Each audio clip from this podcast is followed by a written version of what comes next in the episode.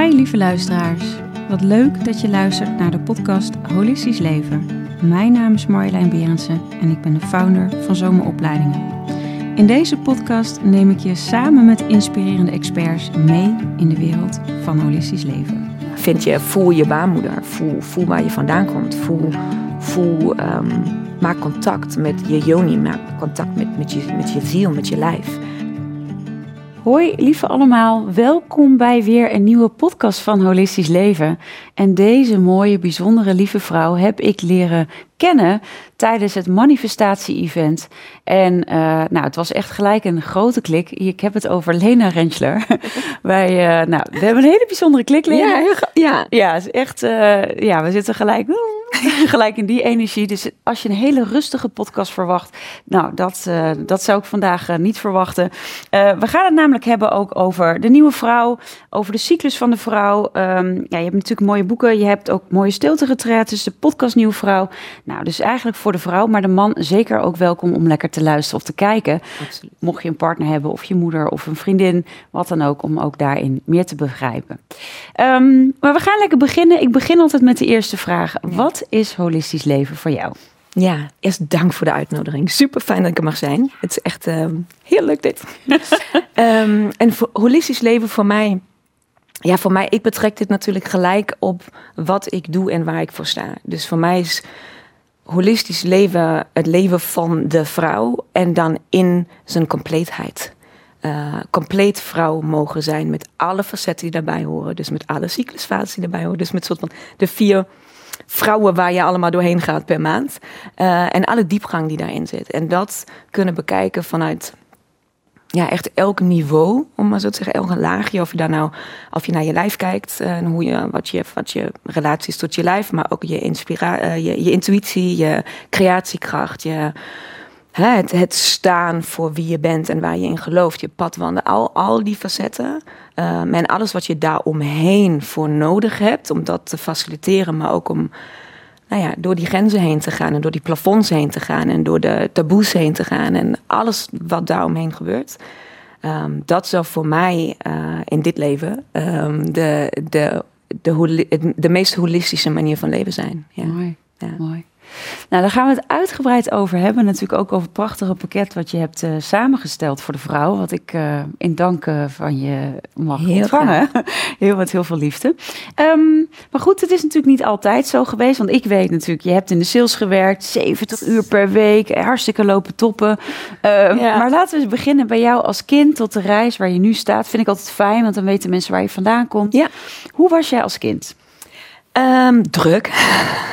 nou, ik ben al hoe ik op de wereld ben gekomen, was al een aandachttrekkertje. Weet je, zo, zo ben ik. Um, nou, ik ben heel kort geboren na mijn uh, zus. Ik heb één oudere zus.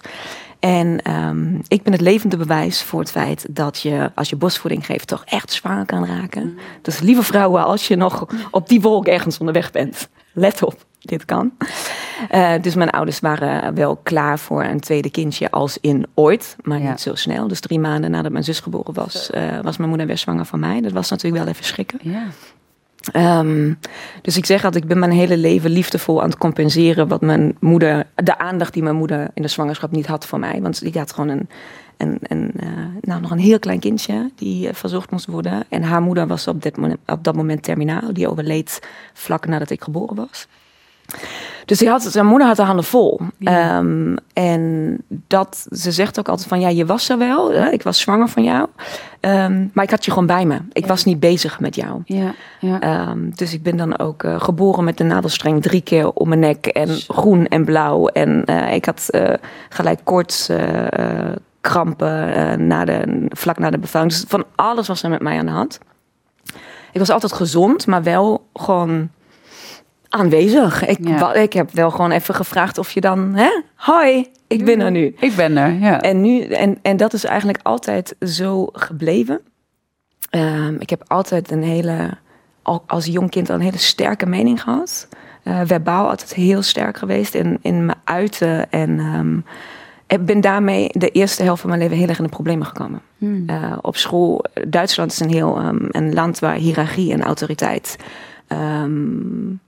geëerd dient te worden. Ja. en geluisterd dient te worden. Dus als iemand in rang, dus als een juf, een meester, maar ook je ouders, je baas boven jou staat, dan hoor jij je ondergeschikt op te stellen. Hmm. Daar ben ik niet zo goed in. Nee. um, dus natuurlijk in mijn, in mijn al jonge jaren, echt al op de basisschool en zeker op de middelbare school, ehm, ben ik daar heel erg in de problemen mee gekomen. Omdat ik gewoon opstandig was. En ik heb nooit hele erge dingen gedaan. Ehm, maar gewoon puur door het feit dat ik zeg wat ik denk. En dat ik toen in die periode gewoon nog erg ongenuanceerd was in mm. wat, hoe ik dat bracht. En omdat ik vaak met mijn leeftijdsgenoten gewoon verbaal sterker was. Ja, die, hun deelden bewijs van klappen uit als ze het niet kon hebben. Ik was verbaal. En dat werd op de een of andere manier als bedreigender gezien. Mm. Ehm, dus ik heb heel veel conflict gehad op scholen en op, uh, met, met mensen. Um, ja, gewoon, het was, was geen leuke periode. Um, dus ik heb moeten leren, en dat heeft best lang geduurd hoor. Het was echt in mijn twintigers pas um, dat ik heb geleerd om dat tool wat ik heb, mijn stem en, en mijn manier om me juist te kunnen uiten. Mm -hmm. En om dingen echt raak op het moment te zeggen wanneer ze gezegd moeten worden om dat voor mij te laten werken in plaats van tegen mij. Dus dat heeft, was een journey in zichzelf, kan ik je vertellen. Um, wat voor studie heb je gedaan? Ik heb uh, eerst in Duitsland vertaalster geleerd. Ja? Voor Engels en Spaans. Uh, commercieel vertaalster. En uh, daar kwam ik al heel snel achter dat dat niks voor mij was. Want ja, als je vertaalt, dan mag je alleen maar spreken wat iemand anders jou voorgeeft. Ja, ja dat. Dat, kan nee. ik dus niet, want dan kan ik niet mijn eigen ei kwijt. Nee. En toen wilde ik hotelmanagement studeren. Dat was echt een grote droom. Maar in Duitsland heb je gewoon privéscholen voor hotelmanagement. Ja, dat konden wij ons niet veroorloven. Dat konden mijn ouders niet betalen. En, um, en door, de, door hoe Duitsland werkt, als je niet op zo'n privéschool hebt gezeten, dan weet je al, je gaat, je gaat het nooit halen in die branche. Je gaat nooit die banen krijgen die je wil. En zo ben ik eigenlijk naar de, bij, op de NATW in Breda terechtgekomen. En nou ja, totaal onvoorbereid en ondoordacht. En ik doe dat gewoon. Ik wist niet eens waar Breda lag. Een maand voordat ik daar naartoe ging, zei van, oh, misschien ligt het wel aan zee. dat zou echt... Ik had geen idee. Ik, en nu ook, nu weet ik, dit gebeurt mij continu. Ja. Ik, heb, ik heb jou vanmorgen nog, een half uur ja. voor ik dat ik je moet zijn. Wat is adres ook alweer? Weet je, waar moet ik ook weer precies zijn? Dit is, dit is wie ik ben. Ik ben daar altijd en ik ben altijd op tijd. Um, maar ik ik laat de dingen op me afkomen. En um, nu, nu pas, met bijna 40, besef ik um, dat dat een hele grote kracht is. Ja. Dat ik me dus niet voorbereid en dat ja. ik niet weet welke vragen jij mij gaat stellen. En dat ik niet weet, weet ik veel wat, ik allemaal, wat allemaal nog gaat komen. En dat ik gewoon zeg, ja, ik kom en ik ben er en dan zie ik wel. En zo ben ik dus ook gaan studeren. Dus ik ben, ik ben, heb hier op de hotelschool gezeten, heb die studie in kunnen korten. Uh, omdat ik dus al in Duitsland had gestudeerd. Um, hele leuke tijd. Want ja dan, kom, ja, dan kom je hier als internationaal student. Geen idee van Nederland, behalve ja, uh, in de zomer, toen je was van 10 tot 18 hier op het strand gelegen. Ik was ook een van die Duitsers. Ja. uh, maar verder, ja, behalve frietjes met mayo en broodjes met hagelslag, ja, weet je nog niks. Nee, nee. En uh, dan, ja, ik ben gewoon echt verliefd geworden op Nederland. Ja, ik wil gewoon ja. echt mijn moeder zegt altijd van, er zijn mensen die zijn het verkeerde lichaam geboren en jij bent het verkeerde land geboren. Je had gewoon Nederlandse moeten zijn. Ja. Het is, het, ik ben hier zo thuis nu. Um, en ja, ik heb toen mijn toenmalig vriendje leren kennen. En we waren vijf, zes jaar bij elkaar. En toen ging het uit. En toen vroeg mijn vader aan mij van ja, maar waar kom je nu, waar ga je nu wonen? En zij waren, ik ben in Keulen geboren. En zij waren ondertussen, uh, in de jaren dat ik weg was, hier, zijn zij naar München verhuisd. Nou, dat is best ver weg. Nog verder, ja. En hij bedoelde, en ik had dat niet door, hij bedoelde, waar ga je naartoe verhuizen als in, kom je naar Duits, kom je naar, ja. kom je naar Keulen, kom je naar München, ja. weet je, waar ga je, wat, wat, wat. En ik was alleen maar van, ja, ik wil, ik wil sowieso niet in het noorden van Breda, ik woon nu daar en daar, ik wil eigenlijk meer in het zuiden, misschien maar En hij zei van, ja, maar overweeg jij helemaal niet naar huis te komen? Nee, nee. En ja. toen, toen pas besefte ik me, ik zei, maar thuis is hier. Ja. Ik heb niks meer in Duitsland. Waarom, waar, waar moet ik terug naartoe? En dat was echt... Uh, ja, dat was nu twaalf jaar geleden of zo. Um, was echt het moment dat ik besefte, ik, hier is mijn thuis. En ik ga het hier maken. En ik ga het hier opbouwen. Toen nog inderdaad in de saleswereld. Sales, hè? Ja. Heel erg. Ik zat toen wel al voor groepen. Dus hoe jij mij hebt leren kennen in, uh, tijdens het manifestatie-event. Op het podium. Dat is een heel bekend terrein voor mij. Want ik heb, uh, ben dus vanuit het hotel um, via een paar omweggetjes. Want hotellerie was dus totaal niet wat ik dacht wat het zou zijn. Um, ben ik altijd bij, ehm, bij bedrijven gekomen die in de um, persoonlijke ontwikkeling zaten. Ik zei, ben bij NLP gezeten en ik heb in allerlei dingen gezeten, maar altijd aan de sales en marketing kant. ik heb nooit, nee. ben nooit eigenlijk met het product bezig geweest, uh, maar met de sales en marketing daarvan. Ja, maar als je het wil vermarkten, dan moet je weten waar het over gaat. Dus je gaat toch naar al die cursussen. Nou, dus ik ben al heel snel soort van in dat circuit uh, gekomen en vond het ook tof. Maar er was ook nooit plek voor mij om mijn stem weer te laten horen. Dat, dat kwam weer heel snel naar boven. Dat ik denk van oké, ik... Weer het thema. Ik moet, ik moet mezelf laten horen. Ik moet iets vertellen. En ehm, toen ben ik bij uh, Pieterman en Partners toen de tijd terechtgekomen in de sales. En zij hebben mij echt opgeleid tot trainer. Tot voor groepen staan, kunnen spreken. Je vrouwtje staan voor de groep. Uh, en toen was ik nog vrij jong. Toen moest ik nog 30 worden. En ik stond bij de grootste bedrijven van Nederland. Um, de, de, grote mannen in het pak uit te leggen hoe ze hun leiderschap uh, moesten doen. Hoe ze hun salesteam aan moesten sturen. Hoe ze aan de telefoon moesten leren verkopen. En dat, dat was wat ik deed toen. Dus heel veel door heel Nederland gereisd met de auto. Iedere dag een ander bedrijf, iedere dag andere trainingen. Dus ik heb daar jaren doorgebracht. Um, en ik heb me helemaal kapot gewerkt. Zo. Helemaal naar de Zodemieten gewerkt. Ik ben dan nog gewisseld van bedrijf. Heb dat hele spelletje dan nog een keer gedaan op het thema uh, onderhandelingen. En dan internationaal. Dus dan moest je overal naartoe vliegen. Dus laten we het nog even. Oh, nog nog even, even heftiger. Nog wat meer mannenenergie. Ja, nog wat meer mannenenergie, exact. Ja, ik kon. Als ik dan nu naar terugkijk, ik, ik kon niet eens alles vanaf hier, dus alles vanaf mijn hoofd down naar beneden, naar beneden was gewoon dood. Ik kon niks voelen. Mijn lichaam gaf mij zoveel signalen van jij moet kappen. Jij moet hier echt mee ophouden. Ik had continu blaasontstekingen, oorontstekingen. Ik, had, ik was volgens mij 28, dus ik had spit. En ik, ik kwam gewoon echt letten. Ik liep als een oom. Ja, ik liep helemaal nergens meer naartoe vooral. Maar nee.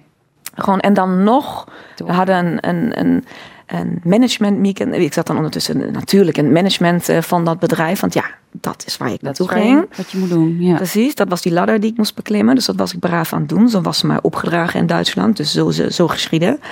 Um, ik, we hadden een management uh, overleg in Frankrijk. Daar moesten we negen uur naartoe rijden met de auto. En ik zei, maar ik kan niet rijden. Ik kan echt, ik, mijn lijf, het gaat niet. Ik kan niet eens achter het stuur Ik kan helemaal niks. En toen heb ik oh, maar als ik nou gewoon met jou meerij, lieve collega, dan kan ik gewoon achter op de achterbank gewoon liggen, negen uur lang. En dan kan ik daar alsnog ja. niet snappen dat het, dat het gewoon. Wat ben je aan het doen? Wat ben je aan het doen? En toen, was het moment dat je hiervoor bent gaan kiezen? Ik ben hiervoor gaan. Nou, er waren twee momenten, twee echt momenten waar ik. Waar, mijn, waar zo'n omslagpunt was. En dan was ik bij de huisarts zat. Ik ga nooit naar de huisarts. Maar ik zat bij de huisarts omdat ik zo wanhopig was, omdat ik niet meer sliep. Hmm. Ik kon gewoon s'nachts, mijn hoofd zat altijd aan, aan, aan, aan, aan. En ik sliep niet meer en ik was alleen maar aan het piekeren. Dus ik was echt, ik was zo down. het ging niet meer. En ik viel dus in slaap achter het stuur de volgende dag. Ik was gewoon echt aan knikkenbollen. Ik zei, oké, dit is nu gevaarlijk. Dit is niet meer oké. Maar ook toen.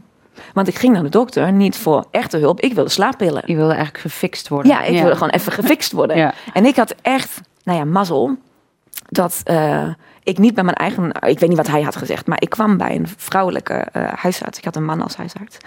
En zij zei tegen mij van, nou weet je, um, ik ken jou niet, uh, maar ik denk wel dat ik een beetje in kan schatten hoe de situatie is. En je gaat die pillen niet krijgen van mij. Dus ik had iets van, um, in al mijn mannelijke energie had ik zei, volgens mij ga jij mij niet vertellen hoe we dit gaan fixen. Volgens mij weet ik hoe wij dit gaan fixen. En jij gaat nu even maken. Ik zei, want ik moet door, mevrouw. Ik, door, door, door, ik heb iets te doen. Ik ben, de mensen, daar wachten mensen op mij. En um, zij zei tegen mij, zij zei van, besef jij je dat als ik jou die pillen geef, dat jij er verslaafd aan gaat raken? En die kwam binnen. Mm. Ik zei, hoe bedoel je? Ik ben totaal niet verslavingsgevoelig. Nul. Ik zei, vond ik eerst van, hoe dare je? Ja, hoe dan? Sorry. Ja. Wat denk je? Maar toen dacht ik van, oké, wacht maar, wat bedoel jij daarmee? Dus van, omdat jij niet snapt dat jij een heel ander probleem hebt, denk jij dat jij het op deze manier kan fixen. Dus jij gaat, jij gaat verslaafd raken aan die pillen omdat je ze nodig gaat hebben, omdat jij niet in balans, je, je bent niet uitgebalanceerd. Hmm. Dus dit is wat, dus je hebt balans nodig. Ik zeg balans, balans. Wat bedoel je dan? Zeg maar wat dan balans moet zijn. Links, rechts staan, uh, hoe? Wat moet ik doen? Hij zei van, ja, je moet gewoon, je moet, je, hè, mindfulness, yoga, dat soort dingen. En ik had echt iets van, waar moet ik dat nog inplannen? ik zei, moet ik, wanneer moet ik dat nog gaan doen? En wat, nou, maar heel ambitieus mens, als je mij iets opdraagt en ik geloof, dan ga ik het doen ook. Dus ik, ik, raakte niet verslaafd aan de pillen, maar wel verslaafd aan yoga. Dus echt twee maanden later was ik dan weer zo iemand die zes keer in de week na de hot yoga, naar de aerial yoga, naar de alle yoga soorten die je kan verzinnen. Ja, en toen was het wel een beetje, toen was ik down the rabbit hole. Ja. Dus dat was het moment dat ik, um, you name it, I did it. Ik heb de uh, haptonomie, osteopaat, uh, handlezen, fortune tellers. Ik heb de green happiness en paleo. En al, ik maak, het maakte niet uit of het voeding was, of het innerlijk werk was, of het... Alles deed je? Alles. Ik heb het op, weet je, dat ja. bijna iedereen heeft die periode. Dat je ja? Als een spons, ja. alles gewoon, nou, daar zat ik in. En toen ben ik, uh, heb ik Vipassana gedaan, uh, tien dagen stilte. Dat heb ik in totaal drie keer gedaan. En bij de tweede keer kwam ik een ja, we waren toen nog echt een meid tegen. Nu, nu zou ik zeggen een vrouw, maar toen waren we echt nog meiden. Uh, kwam ik tegen en het klinkt raar, want ik ben tien dagen in stilte en zei van, nou, we hebben gewoon vanaf, vanaf dag één een connectie gehad. En je, ja, je praat niet en je kijkt elkaar niet aan, maar we, zijn, we weten wel dat we er zijn. Precies, Dus we zijn daar samen doorheen gegaan. En uh, achteraf zaten we te praten met elkaar. En zij vertelde mij, zij, was, uh, uit, zij kwam uit Oostenrijk. Ook een heel autoritair. Lijkt best wel op Duitsland. Ja. Uh, en zij kwam uit een diplomatengezin. En zij vertelde mij van, oh, ik heb de hele dagen, al die dagen daarover nagedacht, dat ik zo graag woestijnreizen voor vrouwen wil organiseren. Zij is zelf in de woestijn geweest, in Egypte, als deelnemer. En ze zei van, ik voel me zo geroepen, dit is echt mijn calling, ik moet dit gaan doen. En ik zei alleen tegen haar, ik zei, jij ziet er zelf uit als Pocahontas. Dus ja. echt, als je, als je een foto staat, dit, het is gewoon Pocahontas in het echt. en ik dacht alleen van, ja, maar dat moet jij doen. Ja. Ik zei, dit is, dit, ik zei, nou ja, en het, ik was toen natuurlijk nog in de saleswereld. Dus als ik één ding had, ik had geen leven, maar ik had wel geld. Ja. Ik, had, ik, had, ik verdiende riant. Want ik was goed in wat ik deed, dus dat was top. Dus ik zei weer ondoordacht, impulsief, zoals ik ben, tegen haar: Als jij dit gaat doen, als jij dit durft om dit te doen, dan ben ik jouw eerste betalende klant. Ik ga met je mee. Mm. Dat was de uitspraak. En het, we werden toen nog Facebook-vriendjes. Uh, en toen verloren we contact. En, en uh, twee jaar later zag ik haar adverteren op, op Facebook met haar eerste eigen woestijnreis. En ik dacht, oh, shit. Ik heb beloofd dat, dat is de mijne. Belofte ja. maakt schuld. Ik moet. Dus stuurde een bericht. Ik zei, nou Anna, ik denk, um, hi, ik moet mee. Wanneer gaan we? Ja. Nou, dat was dus in, in april dat jaar erop. En um, ehm, 2017. En de, de, ik ben dus mede geweest naar de woestijn. En het thema van de reis was Vind je oervrouw? En ik was natuurlijk wederom totaal onvoorbereid. Heb die hele, die, twintig pagina's die ze mij heeft gestuurd ter voorbereiding. Oké, welke vlucht moet ik boeken? Waar moet ik waar zijn? tak, tak, tak. Oké, opschrijven, gaan. En ik vloog ook alleen vanuit Nederland naar naartoe. De andere vrouw kwamen allemaal vanuit Oostenrijk of Duitsland. Dus we ontmoeten elkaar pas daar op het vliegveld. En nou ja, dat, dat is een heel verhaal in zichzelf. Maar in die reis hoorde ik voor het eerst over de vrouwelijke cyclus. Hmm. Voor het eerst hoorde ik over de vier fases. En alles viel op zijn plek. Hmm. Al, al, mijn, al dat, dat opgejaagde gevoel, het uitgeput zijn, mijn hele uitputting qua lichaam, mijn, de wanhoop om de zoveel tijd. Om de zoveel tijd denken, oh, ik moet het ook maar uitmaken met mijn vrienden, want we passen helemaal niet bij elkaar. Mm. En ik denk ook dat we ons huis moeten verkopen, want ik ga naar Costa Rica een bed and breakfast beginnen. Of ik ga, ik ga ook gewoon ontslag nemen op mijn werk en dan de volgende dag weer gaan, oh, dat is zo leuk op mijn werk. Weet je, ja. alsof je een soort van schizofreen bent of zo. Continu die, die impulsen. Ja, dat je gewoon je eigen gevoel. Ik, ik vertrouwde gewoon niet meer op mijn eigen gevoelens en gedachten. Omdat ik dacht van ja, maar overmorgen is het weer anders, hè? Ja. Je weet het. Dus ik was soort van gevangen in ook geen keuzes kunnen maken. Omdat je niet, niet meer vertrouwt op... Op jouw oer... Op dat... Ja, oervrouw eigenlijk. Ja, omdat ik die natuurlijk helemaal niet kende. Nee. Ik wist helemaal niet, want ik was vanaf vier was er niks meer. Naar beneden voelde ik nog steeds vrij weinig, kwam ik toen achter. Tijdens die reis. Uh, want toen voelde ik opeens heel veel. En uh, dat was mij nog vrij onbekend. En um, ja, ik heb daar... Ik zat daar echt op die kameel. We zijn met tien vrouwen, tien dagen uh, met de Bedouinen in, door de woestijn getrokken. En je slaapt dan ook onder de sterrenhemel. En dus geen tenten, geen niks. Dus echt, echt back to nature. En ik dacht ook dat dat het zou zijn. Vind je oervrouw als in we gaan onafhankelijk laten zien. Ja. Waterputten gaan we en weet ik veel wat. Nou, het was dus vind je oervrouw van binnen. vind je, voel je baarmoeder. Voel, voel waar je vandaan komt. Voel, voel um, maak contact met je yoni. Maak contact met, met, je, met je ziel, met je lijf. En ik was dan zo niet. Ja, ik was natuurlijk nooit gegaan, had ik geweten wat, dat we dat zouden doen. En ik was er zo niet klaar voor en toch zo klaar voor. Dus het moest weer, met een bepaalde forcefulness. Zoals het bij mij altijd dat verrassingseffect moet zijn. Dat ik dan pas besef, oh shit. Toen kwam je echt thuis in jezelf. Ja, ik heb die...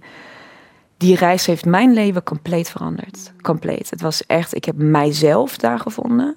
Ehm, ik zeg altijd, ik heb daar mijn dochtertje gevonden. Want ik probeerde tot die, eh, rond die periode al uh, um, meer dan een half jaar zwanger te worden. En de nacht dat ik terugkwam uit de woestijn, uh, ja, was ik zwanger. Mm. Um, en de, de, dat was mijn woestijnbaby geweest. Of ze is nog steeds mijn woestijnbaby.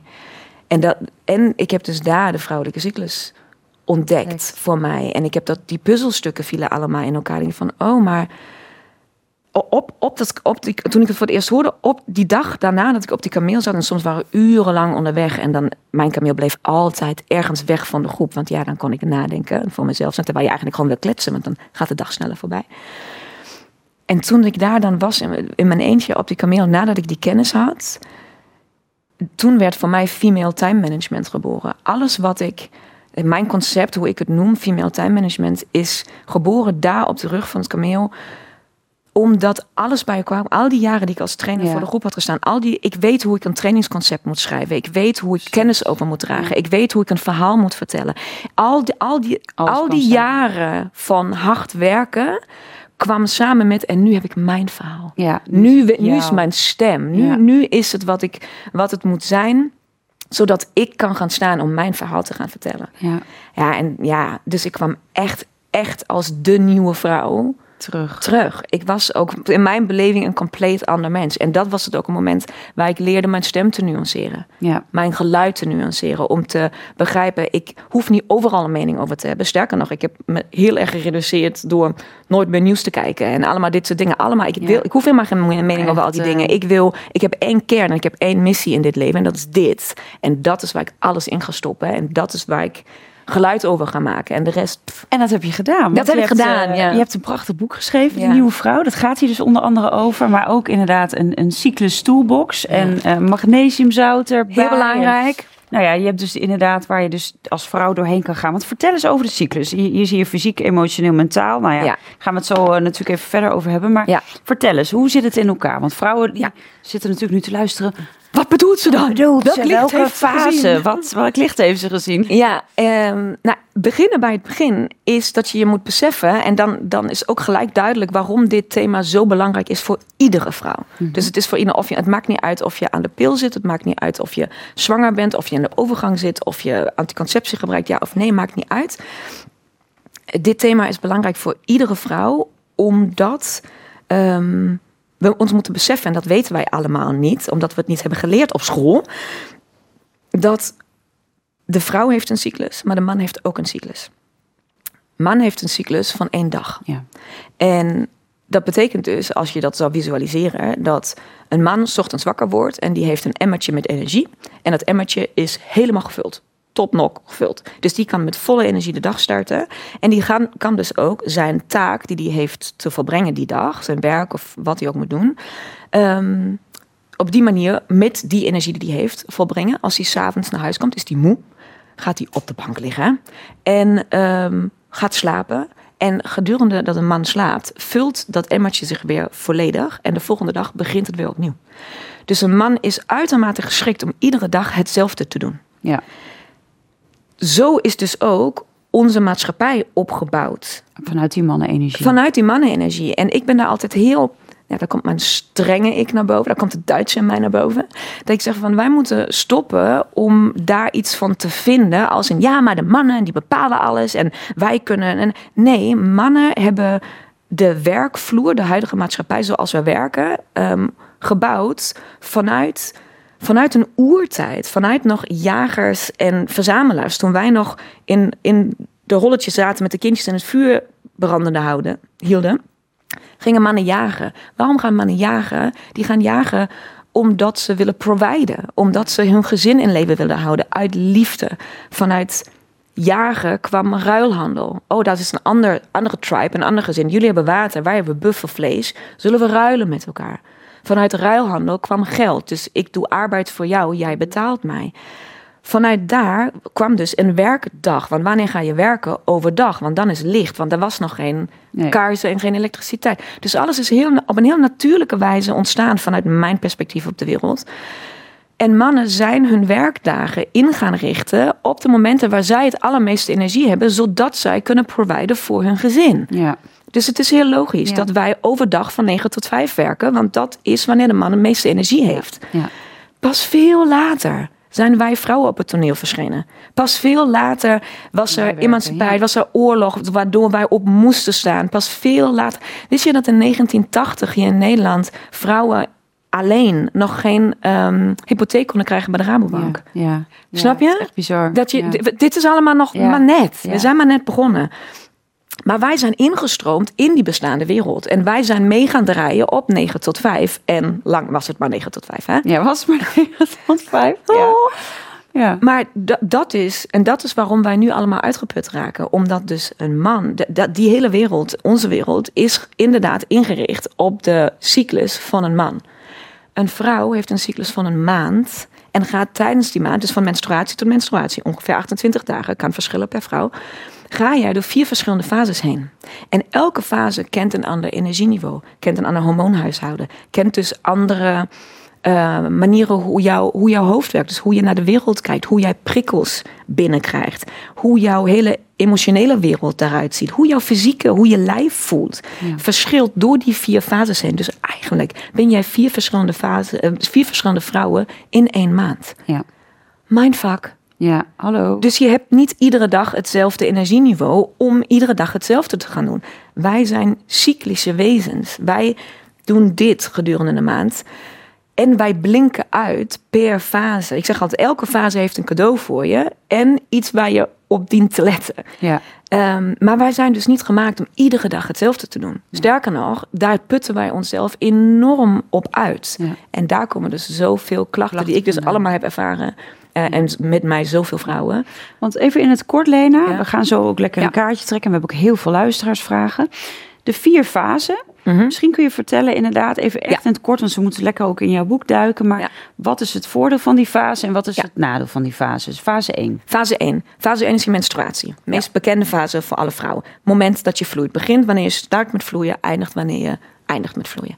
Fase 1 gaat heel erg over rust loslaten. Jouw lijf heeft rust nodig, ook fysieke rust, maar ook je terugtrekken, zodat je, ik zeg altijd, je menstruatie is eigenlijk een soort oud en nieuw feestje voor jezelf.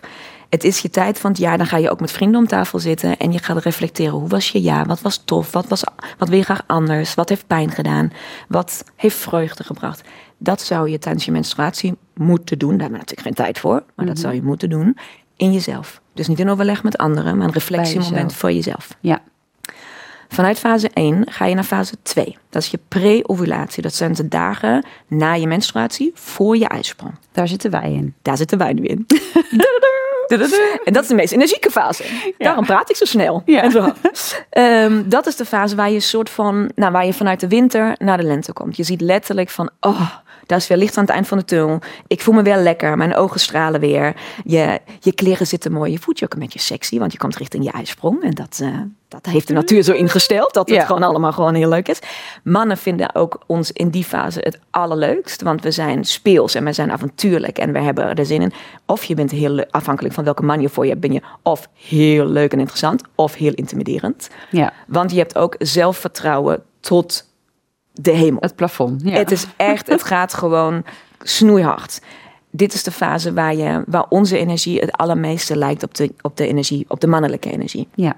Ehm, dus je, je kan alle ballen in de lucht houden en je gaat gewoon door. Het is ook een hele, bijna een hele egoïstische fase, omdat het heel erg is, het my way or the highway. Ik heb een doel, ik heb een, en ik ga. Dit is wat ik dus, out of my way please. Ja, heel erg doelgericht. Dus je gaat heel erg je taken afvinken die gedaan moeten worden.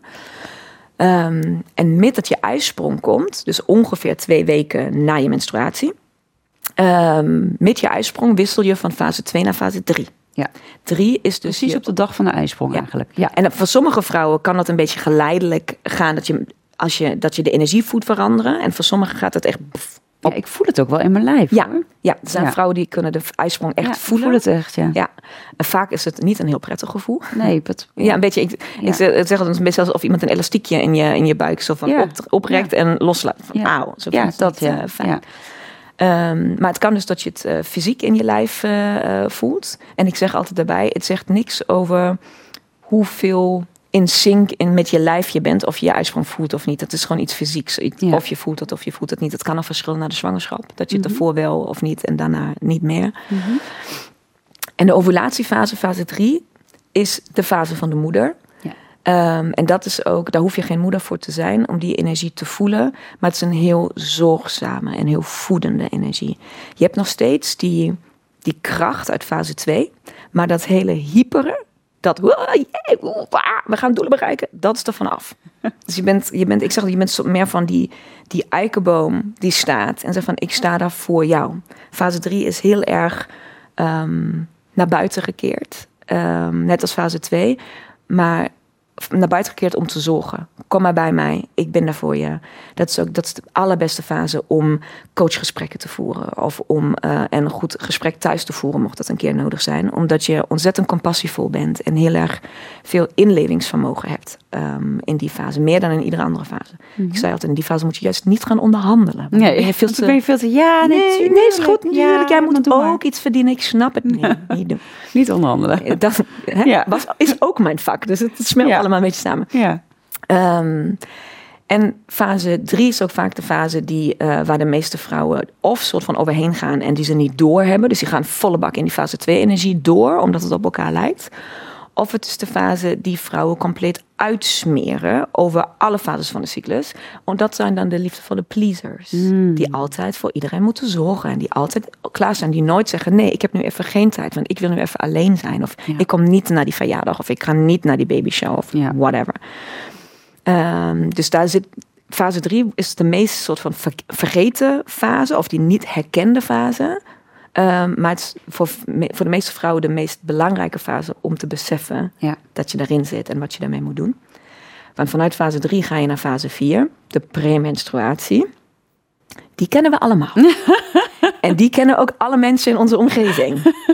En dat is ook, dat is wanneer mannen zeggen van, zo moet je ongesteld worden of wat, of ben je ongesteld.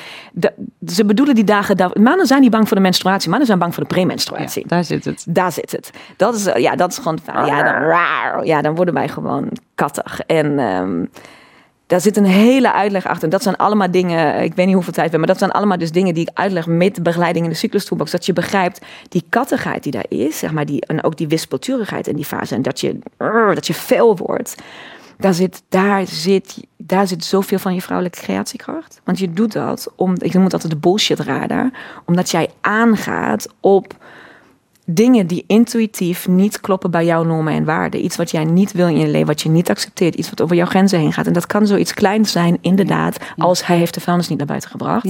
Dat je daarover dan opeens helemaal over de zijk gaat. Maar daar zit natuurlijk een laag onder. Ja. Daar zit, weet ik wat, afspraak is afspraak. Of vertrouwen. Of uh, je hebt beloofd dat, maar je breekt. Whatever, dat zit daaronder. En daar reageren wij in die fase zo heftig op. Dus het is juist een mega mooi tool om die woedeuitbarstingen ja. te gaan. Um, te gaan doorvoelen en te gaan begrijpen. En daar juist weer, dat zijn die cadeautjes uit die fase. Als je dat leert begrijpen, dan krijgen je fases hele andere betekenissen. Van iedereen haat fase 4. Iedereen. Ik zeg, dat is de mooiste als vrouw. Dat is de meest diepe fase waar je in kan zitten. Het is fantastisch. Ik hou van fase. Ja, omdat je echt je waarde en je, ja, echt je diepe waarde eigenlijk gaat ontdekken. Ja, je gaat je zo, als, als, je, als je toelaat, dus als je daar, als je voorbij dat. Ja, mopperige, kattige kan, kan kijken. Als je daar voorbij kan en je kan voelen wat. Ik krijg er kippenvel van. Als je kan voelen wat er in jouw lijf gebeurt en wat. Ehm, wat jouw lijf jou vraagt, welke signalen je krijgt en wat er dus dan intuïtief bij jou speelt. En je kan die boodschap ontcijferen. Dat is goud. Ja. Het is echt goud. En dat, en dat is voor mij de samenvatting van de vrouwelijke cyclus. En zo heeft het iedere fase heeft dat cadeau voor je als je begrijpt waar die fase voor staat en hoe je daarmee leeft. En ik leef de fases extreem. Ik, ik bepaal alles gebaseerd op mijn cyclus. afspraken, Afspraken, ja. fotoshoots, Ja. interviews. Ja. Of ik op het podium ga staan of niet. Of ik dit ga doen of niet. In welke fase. Alles, alles. Ja. Ik heb, toen jij mij vroeg, hey, die en die datum. Ik check dan in welke fase zit ik dan. ja, precies. Want zo. fase 1 was voor mij hier best pittig geweest. Ja. Dan moet je een uur lang staan Daarna kan je terug naar bed. En dan kan je weer maar. eh, bed in. Ja, Ja. ja. En dat kan allemaal. Het is niet dat, je dat, dat ik het niet kan in fase 1. Maar dan weet ik, als ik dit doe... In die fase gaat het heel veel... Het is een energievreter. Moeizaam, ja. En dan gaat het... Dan moet, ik, dan moet ik over mijn grenzen heen om dit te kunnen doen. Ja. Dat kan ik. Dat kunnen wij allemaal. Ehm, dat doen we continu namelijk. Ja, ja. Maar wat ik dus met de cyclus leer en hoe ik mijn leven inricht, dan, compenseer ik. Dus stel, Ja. ik had ja gezegd in fase 1, dan had ik daarna gezorgd dat ik niets anders heb de rest van de dag. Precies, zo is het, ja. En hoe doen vrouwen dit eh, die gewoon een 9 tot 5 baan hebben? Want, dat, want daar zit natuurlijk de uitdaging. Ja, heb ik natuurlijk ook gehad. Ik ben Ja. natuurlijk ook niet naar de woestijn naar huis gekomen. Precies. Ik heb wel daarna gezegd, ik ga mijn baan opzeggen. En Ja. ik ga alles stoppen. Ja. En ik ga dit helemaal gewoon uitvoeren. Maar daar, daar heeft natuurlijk wel nog even een jaartje tussen gezeten. Dus ik heb dit gedaan eh, in 9 tot 5. En toen ik voor groepen stond eh, training te geven... waar je echt niet eens een computerscherm hebt... waar je aan achter kan Nee, eh, schuiven. echt gewoon... je bent gewoon aan Ja. en out in the open. En zelf denk je dat je pauze hebt, komen nog mensen vragen stellen. Dus dan Ja, kan je ook nee. al niks. Nee. Maar ik ben echt trucjes gaan gebruiken. Ik Mm. heb hele praktische dingen mezelf aangeleerd ehm, om ehm, de fase waar ik op dat moment in zat te voeden. Hmm. Dus ik heb bijvoorbeeld. eh, Staat dat ook in het boek? Eh, ja, en ik heb daar ook heel veel podcasts over gemaakt. Fijn. Dus er zijn, eh, zijn allerlei eh, tips en trucs. Maar neem maar fase 4 bijvoorbeeld. Fase 4, als je iets meer over fase 4 begrijpt, de premenstruatie, dan draait heel veel om geborgenheid. Het thema geborgenheid zit heel veel in fase 4. Ehm, dus als je de hele dag achter je computer zit en met collega's en samen gaat lunchen, nou, nou ja, Ja. hoe dan? Dus je gaat continu aan dat thema en aan eigenlijk jouw diepe behoeften in die fase Voorbij. ga je voorbij. Ja. Daardoor, daarop loop je dus leeg. Dat zijn de momenten waar je denkt van ik kan niet meer. Dat je thuis kan niet meer. Gewoon, ik ben Ja, ik op, kan niet meer, ja. En dan gaan we gewoon op de bank en dan gaan we een theetje en een chocolaatje en daarna nog een chippy. En dan gaan we Netflix en dan gaan we... En zo ga je dan die dekentje en dan ga je zo die geborgenheid Ontvangen. ontvangen van jezelf. Terwijl ik ben dan gewoon, ik van oké, maar dat moet anders kunnen. Dat, het moet niet zo ver moeten komen. Ehm, en niet dat ik nooit meer chocola en chips en Netflix hoor, dat zeker wel. Eh, maar ik heb toen in die tijd bijvoorbeeld, ehm, ik, had, ik ben heel gevoelig voor geurtjes. Dus ik kan heel veel geurtjes niet hebben. Dus stuur mij nooit een Douglas binnen of zo, vind ik echt verschrikkelijk. Maar de juiste geurtjes op het juiste moment doen dus ook heel veel voor mij. Dus ik heb, eh, ben bij iemand geweest toen de tijd en die heeft eh, olies voor mij samengesteld, gebaseerd op mijn fases. Mm. Super tof. Dus ik had altijd een, een soort van een rol, rolletje eh, bij met dat geurtje. En ik heb gewoon dan gezegd, oh ja, ik eet even achter de computer, want ik heb het super druk. Dan heb ik gewoon, ben ik achter de computer blijven zitten in plaats van mee aan de grote tafel. En heb daar gewoon even mijn olie om, gewoon even gewoon gezeten. En even, ik ben gewoon op de wc gaan zitten, zonder op de wc te gewoon deksel naar beneden, op slot, zitten. Even sst. Even een nummertje luisteren wat mij bracht naar even muziek luisteren, wat koestert. die, ja. ja. dus even, even die moment. Het is al genoeg dat je even jouw lichaam, jouw ziel, jouw zijn, jouw ziel, jouw alles laat weten. Ik hoor je. Ja. Ik kan er niet volledig aan voldoen. Ik kan niet thuis blijven. Ik kan niet mijn baan opzeggen. Maar ik kan wel gedurende de, moment, de dag momenten inlassen om jou te laten weten. Ja. Jij bent belangrijk. En ik hoor je lijf en ik hoor je gevoel en ik hoor je emotie. En ik ben er. En ik, probeer je te voeden. Ik doe mijn best. Ja. En dat maakt al zo'n verschil. Enorm verschil. Mega verschil. Mooi. Even een korte break tijdens deze Holistisch Leven podcast. Want binnenkort geef ik ook een Holistisch Leven live dag. En ik neem jou samen mee op reis langs alle holistische niveaus. Zodat jij voluit gaat leven vanuit jouw essentie. In de Hoorneboeg, prachtige locatie. En ik hoop je daar te ontmoeten. Kijk op marjolijnberensen.nl voor de eerstvolgende data. En nou weer gauw terug naar de podcast. We gaan eh, een kaartje trekken, Yes! Lena. Ehm, nou, kies een kaartje, staat een vraag op. Ja, deze kijkt me al de hele tijd aan. Trekt al de hele tijd mijn aandacht. Nou, dan eh, moet die het zijn. Oh, wat is de mooiste les die je in je leven geleerd hebt? Mm. Ik denk dat het is de mooiste en de zwaarste tegelijkertijd. Ehm,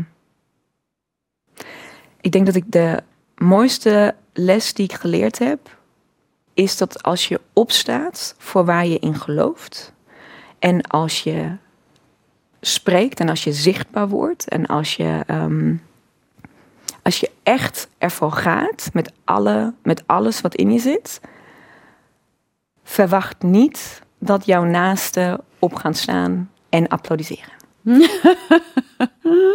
Want voor mij, en ik denk voor heel veel vrouwen, is het het tegenover mensen, voor mannen natuurlijk hetzelfde, is het precies het tegenovergestelde. En dat is voor mij een hele moeilijke weg geweest uh, om te bewandelen. Om dan trouw aan jezelf te blijven en te zeggen van ja, jullie vinden het allemaal achterlijk wat ik doe. Dat is prima, jullie hebben allemaal een mening. Maar dit is wat ik moet doen. En dat is denk ik de mooiste les dat ik daar doorheen kon gaan. Met heel veel vriendinnen die ik ben verloren. Uh, nooit meer uitgenodigd op feestjes of verjaardagen. Uh, ouders die niet begrijpen, je, je, je hebt een baan en je verdient gewoon dik vet geld en je kan je alles veroorloven. Waarom zou je nu ondernemer worden en je familie in gevaar brengen en alle risico's nemen? Al, al dat, mm. al dat.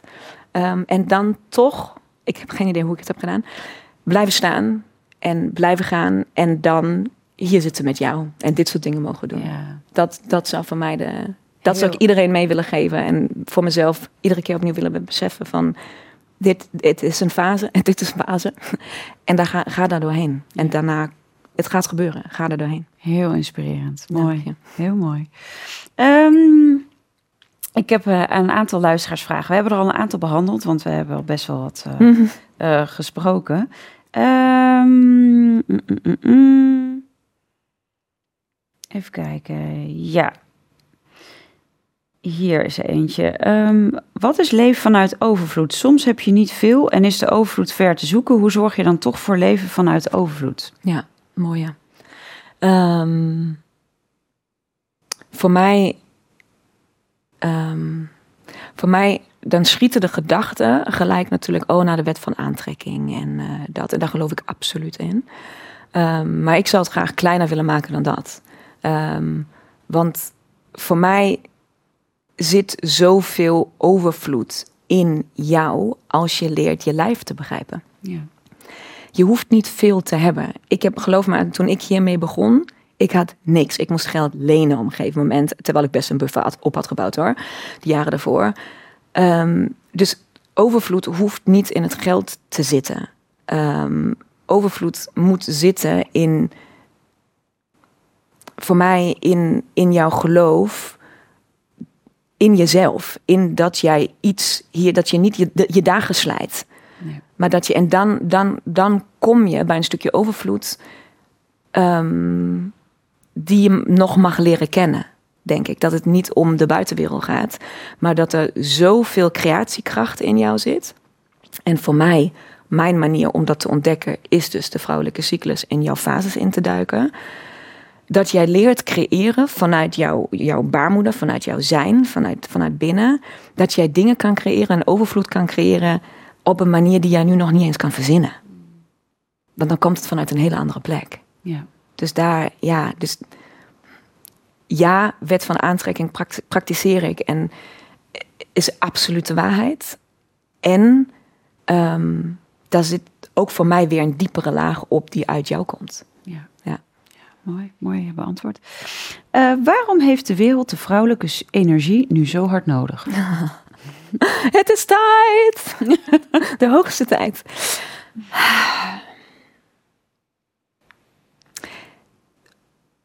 Omdat wij veel te lang um, stil zijn.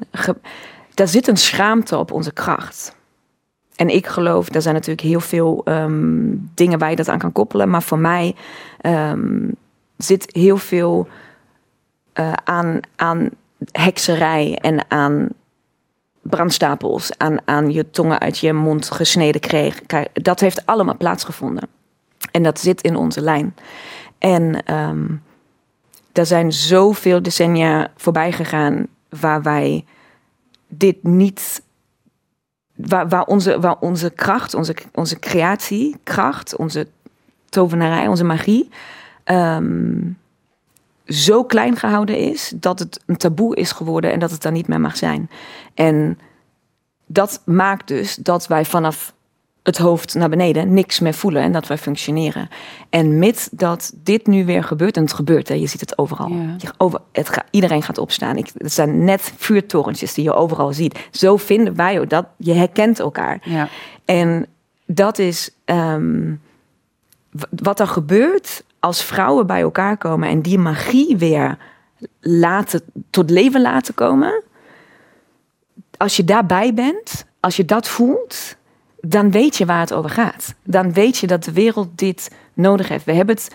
Ik geloof niet daarin. Ja, we zijn onderdrukt en ja, en het is allemaal ons, ons is de mond gesnoeid en daarna, maar het is ook onze angst. Nu snoeit ons niemand de mond. We moeten het alleen gaan doen. We moeten nu het lef hebben om op te staan. En dat is wat de wereld nodig heeft voor het voelen. Voor dat wat wij dan meemaken als wij samen zijn. En wat wij uitdragen als we dan samen zijn. Want daar zit zoveel. Um, ja, het is zo cliché, maar er zit zoveel liefde in. En zoveel um, vertrouwen. En zoveel overgave. En zoveel creatiekracht. Dat het gewoon. Dat er ontstaat zo'n rippel. Um, dat ik geloof echt dat de wereld een compleet andere plek zou zijn.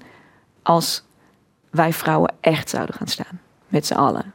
En dat bedoel ik niet in Nee, niet, Tot, vanuit, de niet vanuit de mannelijke energie. We hoeven niet te vechten. Ik ben totaal geen feministe. Nul zou je denken van, oh vrouw, vrouw van nul. Ik hou van mannen en ik hou van mannelijke energie. En ik hou ook van de mannelijke energie in mij. Want die heeft mij ook gebracht waar ik nu ben. Ja. Maar ik leef, mijn bedrijf en mijn creaties en alles wat ik doe, komt vanuit mijn vrouwelijkheid. En daarom staat het. Daarom, omdat het uit mij komt en niet vanuit mijn hoofd, maar vanuit mijn lijf. Ja. En dat, dat, is, dat zijn de ja, dat is de magie. Heel mooi. Ja. En uh, hoe geeft leven op je cycli zoveel zelfvertrouwen? Ja, omdat je jezelf zo goed leert kennen. Ik ben echt een andere vrouw dan tien jaar geleden. Echt waar. Ik heb. Um, je kan, het is super fijn voor je relatie, of überhaupt voor je omgeving, maar vooral voor je relatie. Want je man krijgt gewoon een weersvoorspelling. Dat is gewoon heel fijn. Dat is heel fijn voor zo'n man. Ja, die weet gewoon nog soort van de komende twee weken kan je ongeveer ervan uitgaan dat dit gaat gebeuren in ons huishouden. En zo ga ik reageren. Oh jee, de fase 4 komt. Daar komt hij weer. Maar weet je hoe fijn het is als je dat als je dat over jezelf weet. Ja. Ik weet dus al, ik wist al met welke energie ik vandaag hier op kom dagen. Ja, nou, de mannen hebben het hier gezien, ja. Peter. Hoi, hoi. hoi, ik heb er zin in. Joejoe, hoi. En dacht, wow, wat gebeurt hier? Oké, okay, komt even al binnen.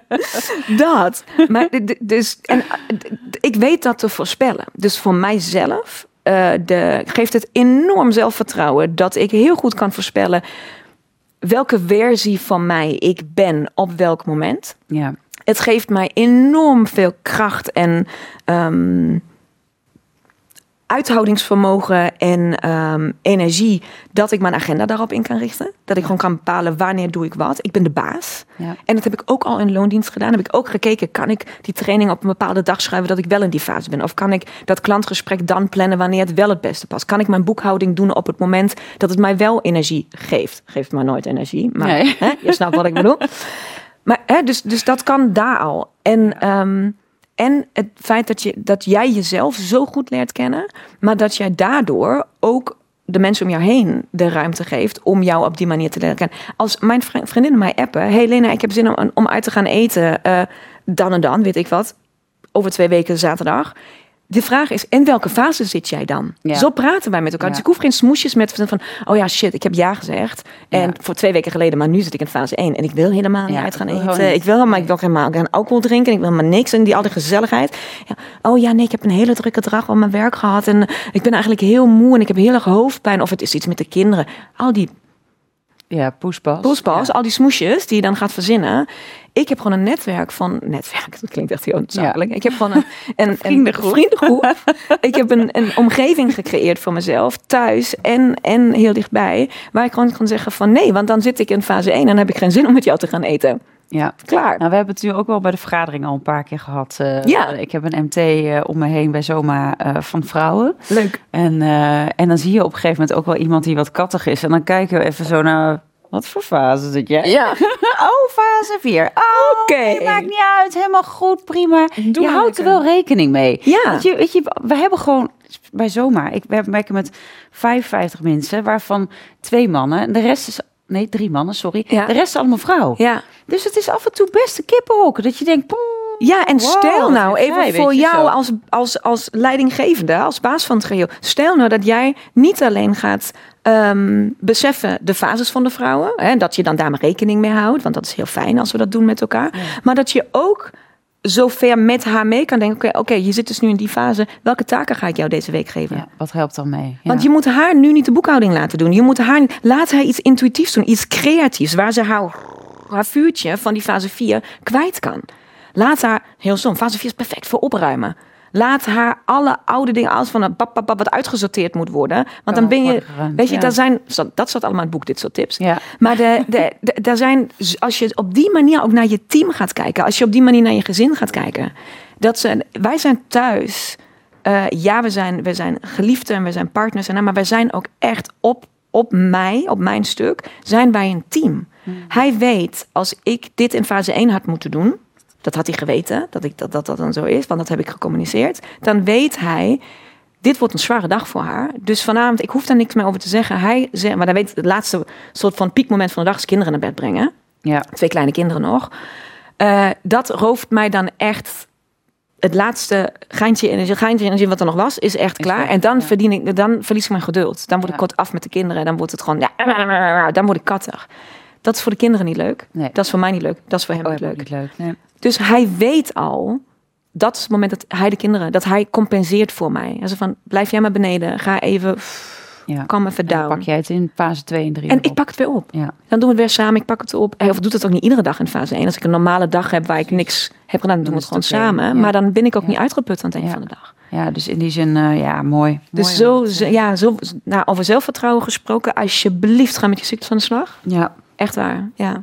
Hey, en over zelfvertrouwen gesproken, hebben wij een leuke oefening rondom, eh, rondom eh, iets wat je Wij- mensen mee kan nemen? We hebben, we hebben zeker iets leuks. Ik wil wel iets leuks, eh, ehm, nou niet verzinnen, want ik had het al verzonnen.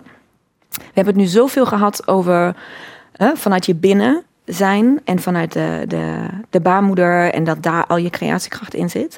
Ehm, maar vaak is dat toch een beetje een vage plek. Alleen als je nou, kinderen hebt gehad, dan heb je daar iets meer Ja. mee. Dat je weet, oké, dat zit ongeveer daar. En dat, daar zat mijn kind in en na. Maar ehm, het is eigenlijk niet een plek waar we ons verder mee bezighouden. Dus wat ik eigenlijk heel graag zou willen doen, is een paar minuten de tijd nemen om even Mhm. rustig te worden. Is goed, dus mensen even thuis voor- ja, mensen mogen thuis. lekker meedoen. Ja, zeker Even weten. zitten. Doe even zitten. Je mag ook gaan liggen als je het fijn vindt. Voor ons nu een beetje, Voor ons, eh, voor ons even niet. Maar als je thuis bent, mag je zeker even gaan liggen. Voetjes op de grond. En kijk even of we samen uit onze hele hoge energiebubbel kunnen komen. Hm. Misschien wil je even je handen op je onderbuik leggen, waar je weet waar die baarmoeder zit. En dan wil ik je even meenemen naar die plek. Ik wil je meenemen in een kleine visualisatie om eens te ervaren hoe het er binnenuit ziet.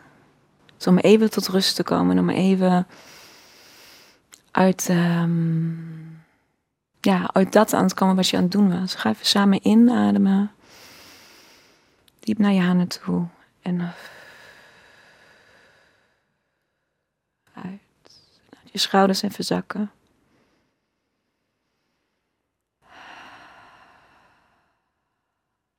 En dan stel je je voor dat je op een weiland staat. Een prachtig, mooi weiland. Op een lentedag. Er is hoog gras en wilde bloemen. De zon voelt warm op je gezicht. En je voelt je veilig. En blij. En avontuurlijk. En je kijkt om je heen.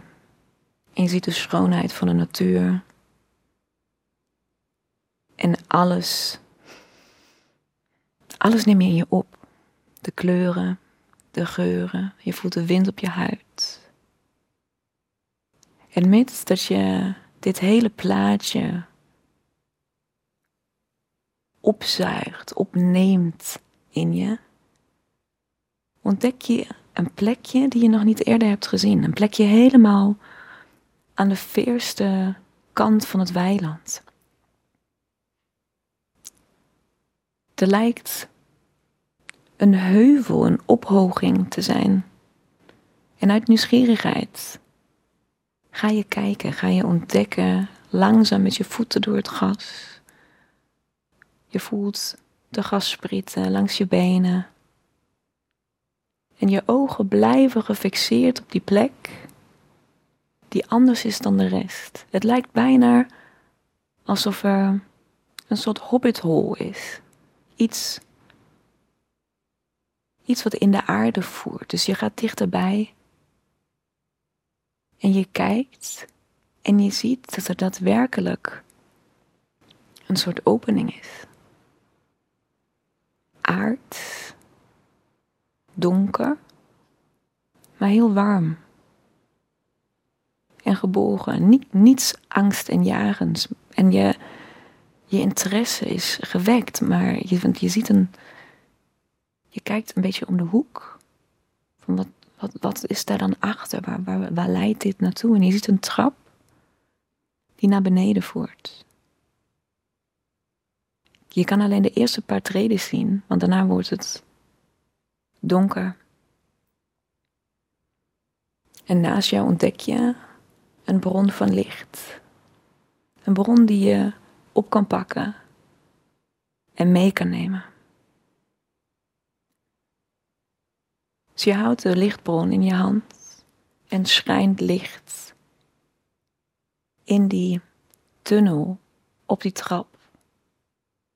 En nog steeds kan je alleen de eerste patreden zien. Dus jij beslist dat het tijd is om te gaan ervaren, om te gaan ontdekken wat daar beneden schuilt.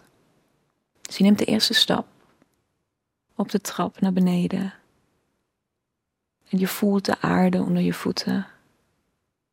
En met dat je de tweede stap naar beneden neemt en je dieper en dieper deze ontdekkingsreis aangaat, schijnt je licht. Verder, zodat je steeds de volgende treden kan zien. En treden drie en vier. En je voelt de temperatuur veranderen. Het daglicht achter jou verdwijnt. Vijf en zes. Je durft nog dieper te gaan, nog verder te kijken en te ontdekken. En de laatste treden. Acht 9 en 10. En je voelt dat de trap eindigt. En je ziet voor jou een aardse ruimte, heel organisch. En je schijnt met je licht door de ruimte. En je ontdekt een deur. Een, een deur die precies klopt zoals jij ze ze nu voorstelt. Van het materiaal, hoe groot of klein, hoe zwaar of licht ze lijkt. Hoe ziet jouw deur eruit? Ga eens met de lichtbron dichterbij. Zijn er versiersels op? Of is het een hele simpele deur? En met dat je dichterbij komt om, de, om te kijken of die deur wellicht open kan, zie je een bewaakster. Zie je een, hmm, een begeleider naast die deur staan. Een gedaante. En je weet dat het tijd is om permissie te vragen of die deur open mag. Dus op jouw eigen manier Maak je contact. En vraag je om permissie of de deur open mag. En die permissie krijg je. Dus je opent de deur. En je vindt jezelf terug. In jouw binnenste. Op de meest heilige plek. De meest vrouwelijke plek binnen jou. Binnen in jouw baarmoeder. Kijk eens om je heen. Voel eens hoe het daar voelt. Is het licht of donker? Voelt het daar warm of koud? Zie je dingen in kleuren of zwart-wit?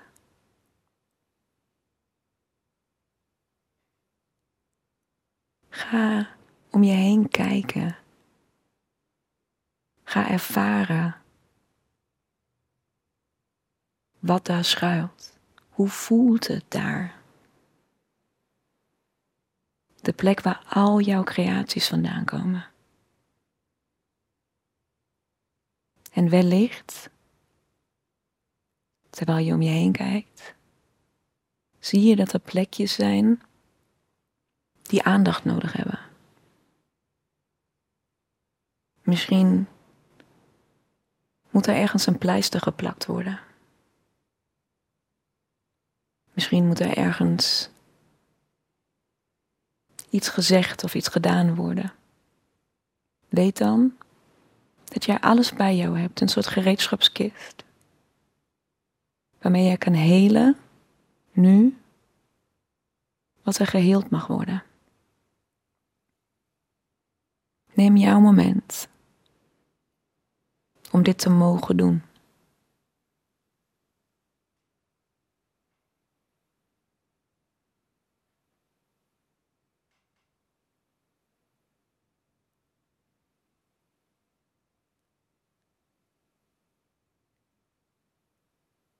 En kijk dan nog een keer naar jouw plek. En kijk,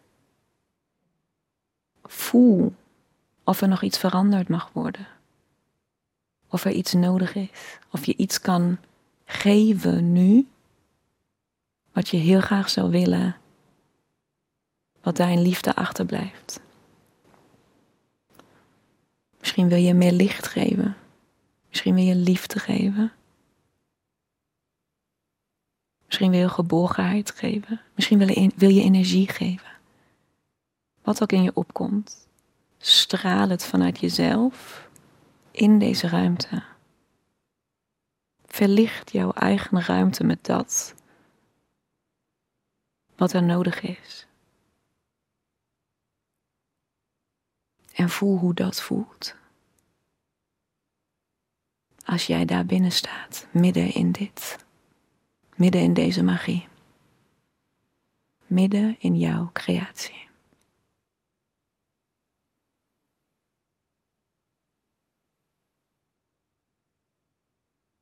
En met een prachtige glimlach op je gezicht.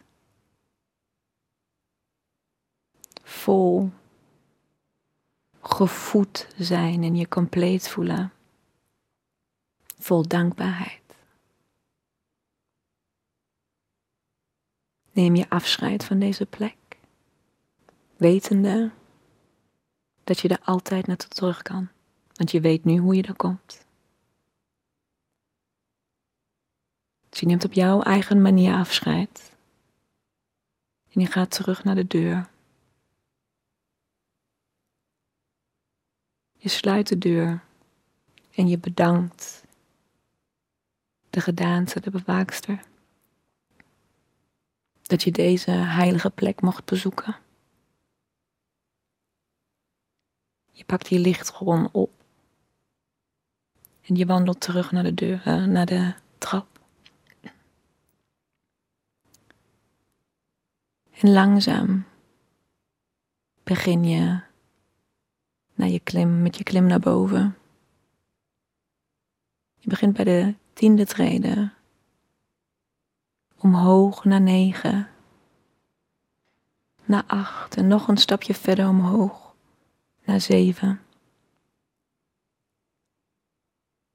Op treden zes voel je weer de temperatuur veranderen en nog een stapje verder omhoog. Op treden vijf zie je langzaam het daglicht alweer schemeren.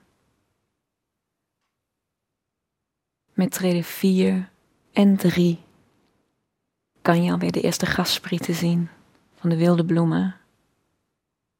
En op treden 2 en 1 ben je volledig terug in het weiland. Zet je je lichtbron neer. Kijk je om je heen. Voel je weer het zonlicht op je huid. Het gras onder je voeten. En verbaas je je over die waanzinnige reis die je net hebt mogen maken. En met een gevuld hart en vrolijkheid en energie loop je het pad verder naar wat nu ook maar volgen mag.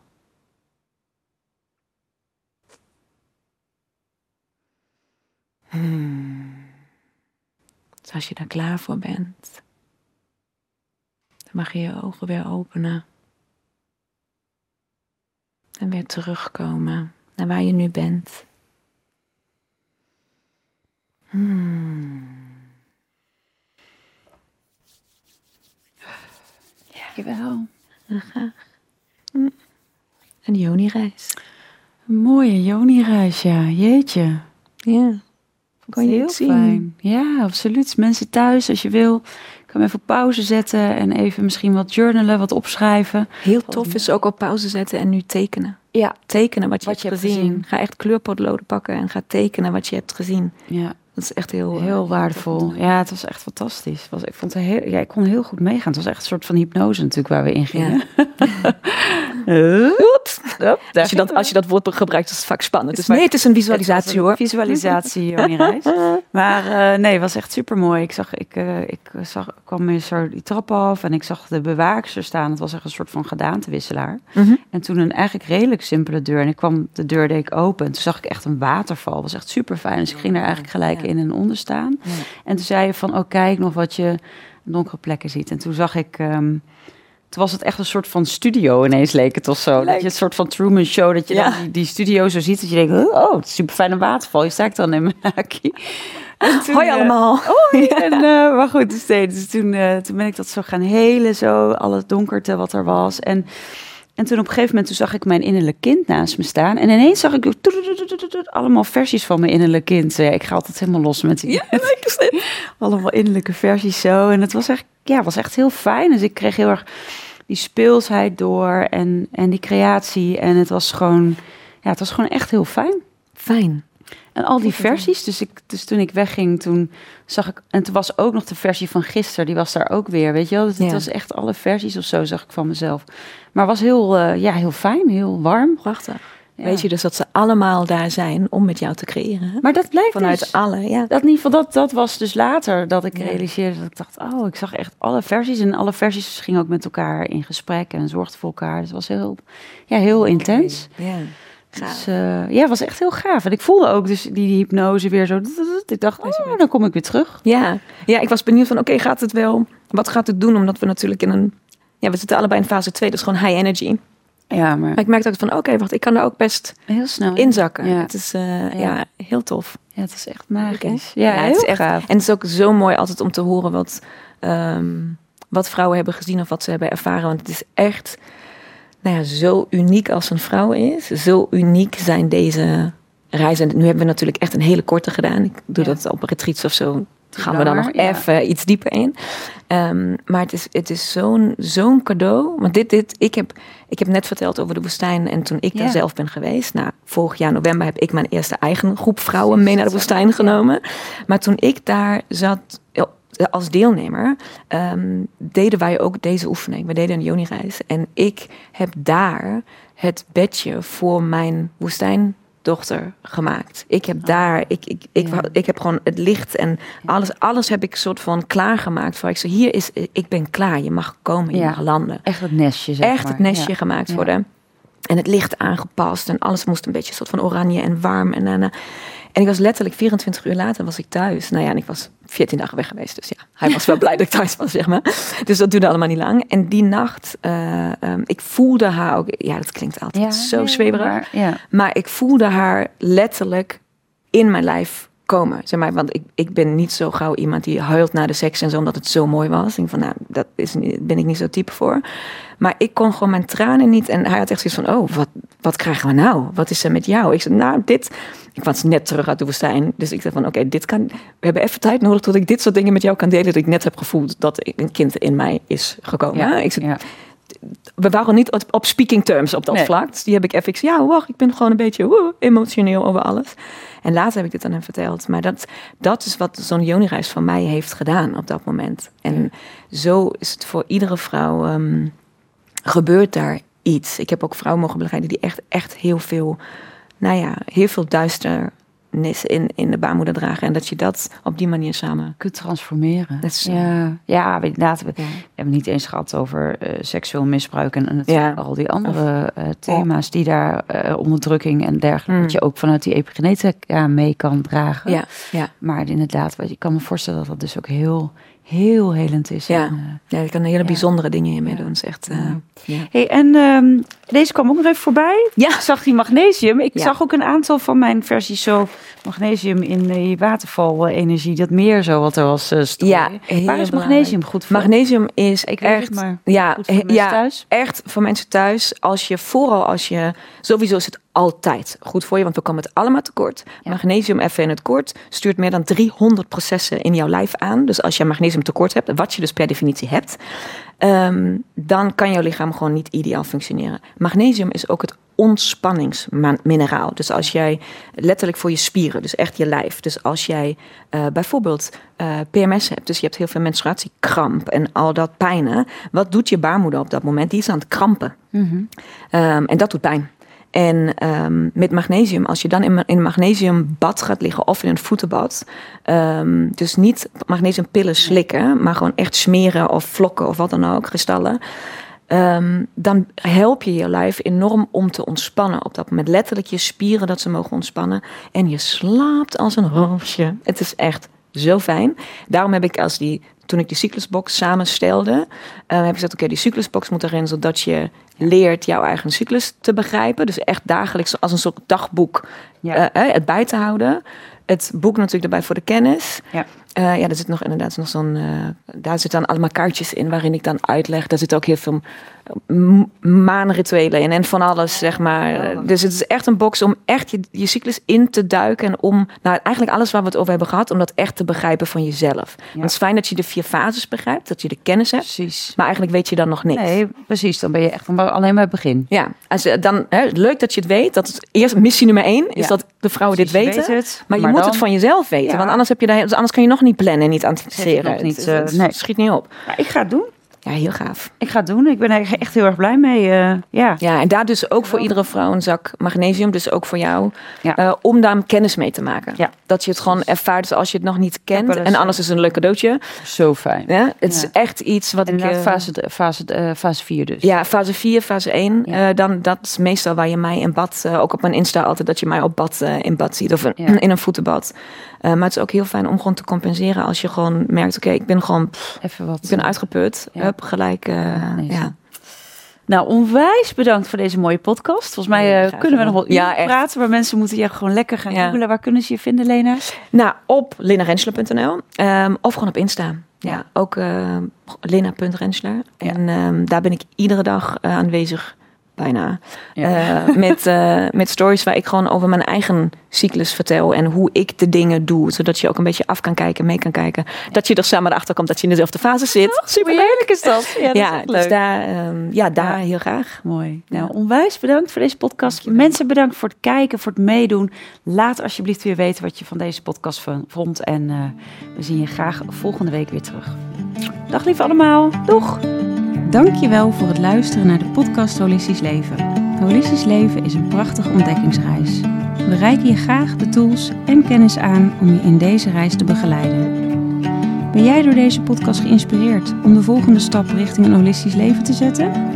Kijk dan op onze website www.zoma-opleidingen.nl voor meer informatie over de cursussen en opleidingen die we aanbieden. Je kunt je daar ook inschrijven voor onze nieuwsbrief. En vind je deze podcast leuk? Volg ons dan via je favoriete podcast-app of abonneer je op ons YouTube-kanaal.